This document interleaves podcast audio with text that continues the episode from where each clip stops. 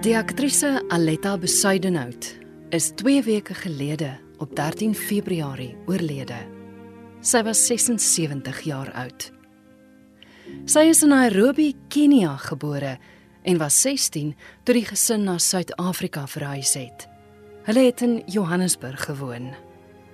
Aletta het na skool in Pietermaritzburg gaan studeer om prokureur te word. Maar na sy 'n drama klas gesien het, het sy besef dit is wat sy wil doen. Sy het drama gaan studeer by die Universiteit van Kaapstad. In 1986 was Aletta te sien in Klaaglied verkoos. Judith Crumnick het met haar en die regisseur Bani Simon oor die stuk gesels. It's a play written by a young Afrikaans woman. She lives apparently in Stellenbosch, so in my imagination, I've worked it out as happening there. It's set in a time like now of, of great in, insecurity, and the woman's husband has abandoned her and her, her little girl.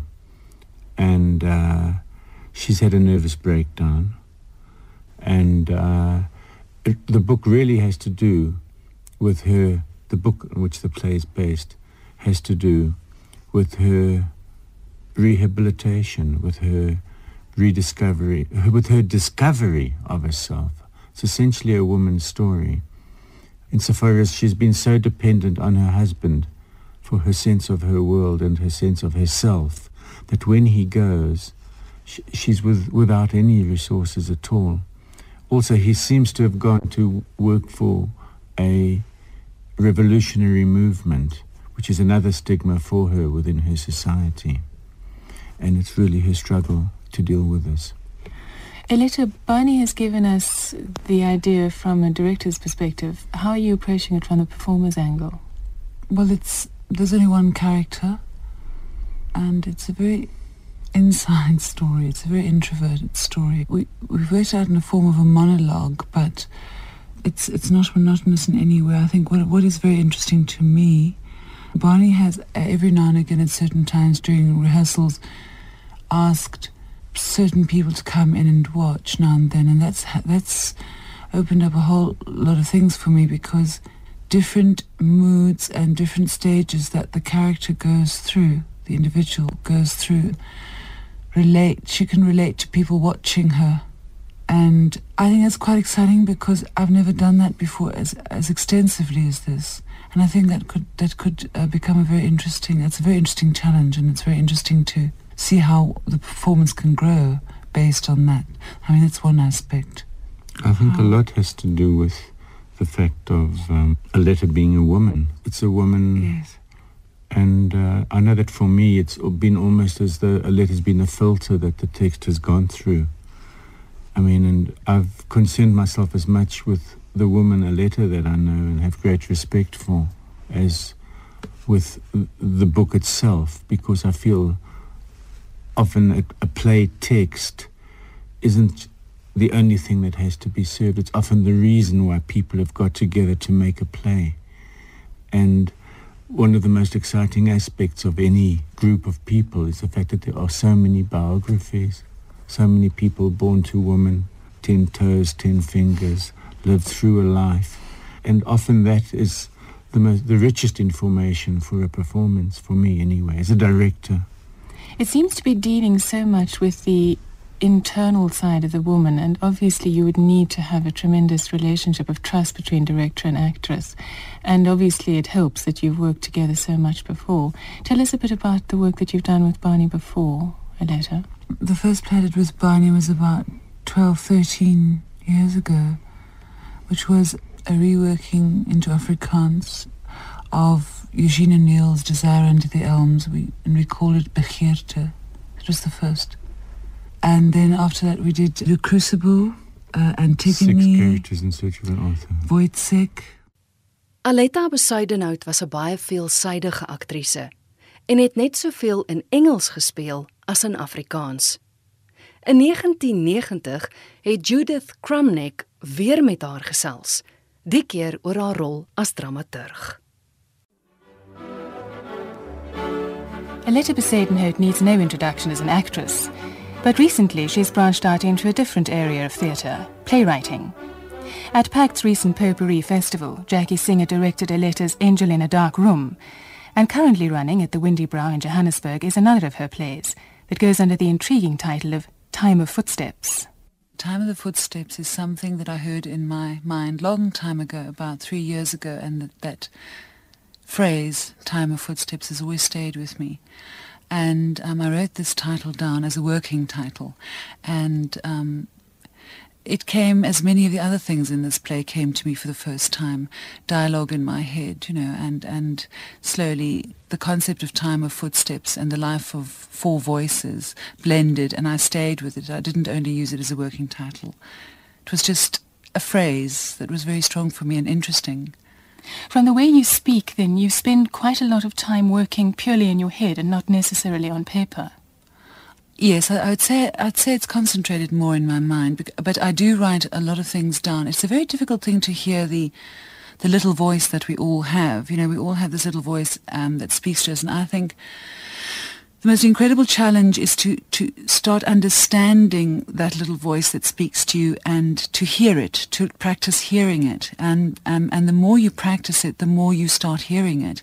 And the more you start hearing it, the more you put things down on paper, the more you remember, you know, your capacity for remembering to put things down. And I've, I've kind of worked like that. I've practiced. I've started putting things down more and more and more. And, um, I've, I've had to take out a tremendous amount of things that's been in my head in the play that didn't work when the actors actually said it. So there's a lot of life in my head that couldn't manifest itself on stage. There are a lot of different elements that go into a play. Obviously, there's the plot line, there are characters and their development, yeah. there's dialogue. Yeah. Which of those elements is most important for you? Dialogue, because that is the thing that you that is the vehicle which communicates to your audience or to another human being what you are thinking. And it is the most powerful vehicle. And therefore, for me, the most challenging, the most important is dialogue. And I'm very interested in exploring dialogue, why people say what they say.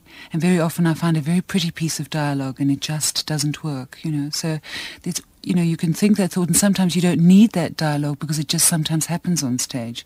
But dialogue for me is important because you can, I mean, if I look at somebody like Sam Shepard or Pinter and Chekhov, how they, I mean, Chekhov would say, all the characters say everything that they don't really mean. It's sort of next to their lives. Um, and that's what fascinates me about dialogue, how you can use it as a tool to say or not to say or to avoid things. To a greater or lesser extent, any writing is autobiographical. Yes. How strong is that in you? Uh, it's it's absolutely strong. I mean, all my work is is comes from things that I've absorbed from my environment, from this country where I've lived all my life, and from people living in this country that I've known, and those qualities, those voices, those presences come through me. I, I'm a vehicle for that. That's what I feel I am. It's interesting that although the direction for Angel in a Dark Room was in the hands of Jackie. You've actually chosen to direct this yourself. How does that work for you? This is a very personal piece of work. It's what I would call my mandala, my my icon, my symmetry, my own personal thing.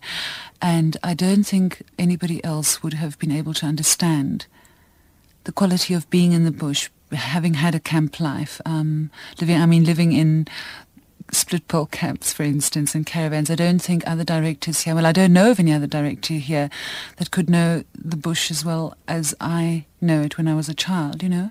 So I felt it was better for me to do it. But I don't want to do it again. It's, it's, it's, you're too subjective. It would seem that writing then has superseded all the other possible avenues of theatre for you because you haven't been acting much lately either.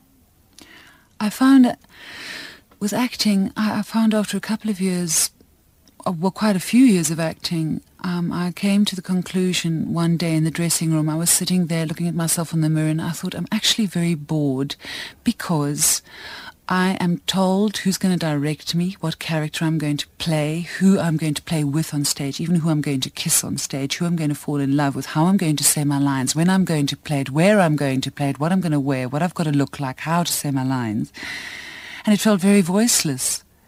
I just needed to be free, be more free, you know. I, I do have a passion for acting. I, I love it. But I just couldn't, the way it was coming to me, the parts that I was doing, which were wonderful, and, and, and um, I've grown a lot through them, but I needed to grow in another way. I just needed to explore other things as well. Die regisseur en dramaturg Saartjie Botha het saam met Aletta gewerk aan Blou Uur en Moedermoed en haar kinders. Dis hoe Saartjie haar onthou. Aletta Besuidenhout was was 'n enigma.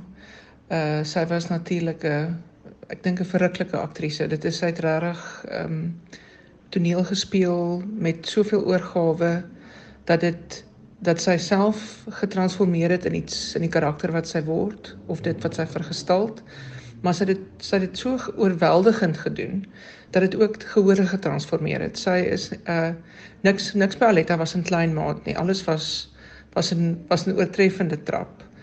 Um onkonvensionele mens, um soms uh moeilik, maar um met 'n wonderlike sin vir humor en ook 'n uh, sin vir ironie. En ek dink uh mense wat uh ek dink sy het uiteindelik simpatie gehad met mense wat wat dit soms moeilik gevind het om op 'n persoonlike vlak met haar 'n gesprek te hê of met haar uh, net weet soort van naas mekaar te kan bestaan. Maar ja, 'n uh, aktrise wat die ons het twee keer saam gewerk en in die een keer was met ehm um, Bertolt Brecht se moeder Courage, maar en ons het dit ek het dit vertaal as moeder moed. En dit is 'n ikoniese rol vir 'n vir 'n ouer aktrise en dit was 'n uh, dis natuurlik 'n epiese stuk wat geweldig lank is en vir die Suid-Afrikaanse omgewing met met vir kunstefeeste en dis meer weet ons kan eenvoudig nie sulke lang stukke aanbied nie. So ek moes baie sny. En ehm um, sy was baie behulpsaam in die proses en ook verskriklik krities oor oor wat moet bly en wat moet gaan.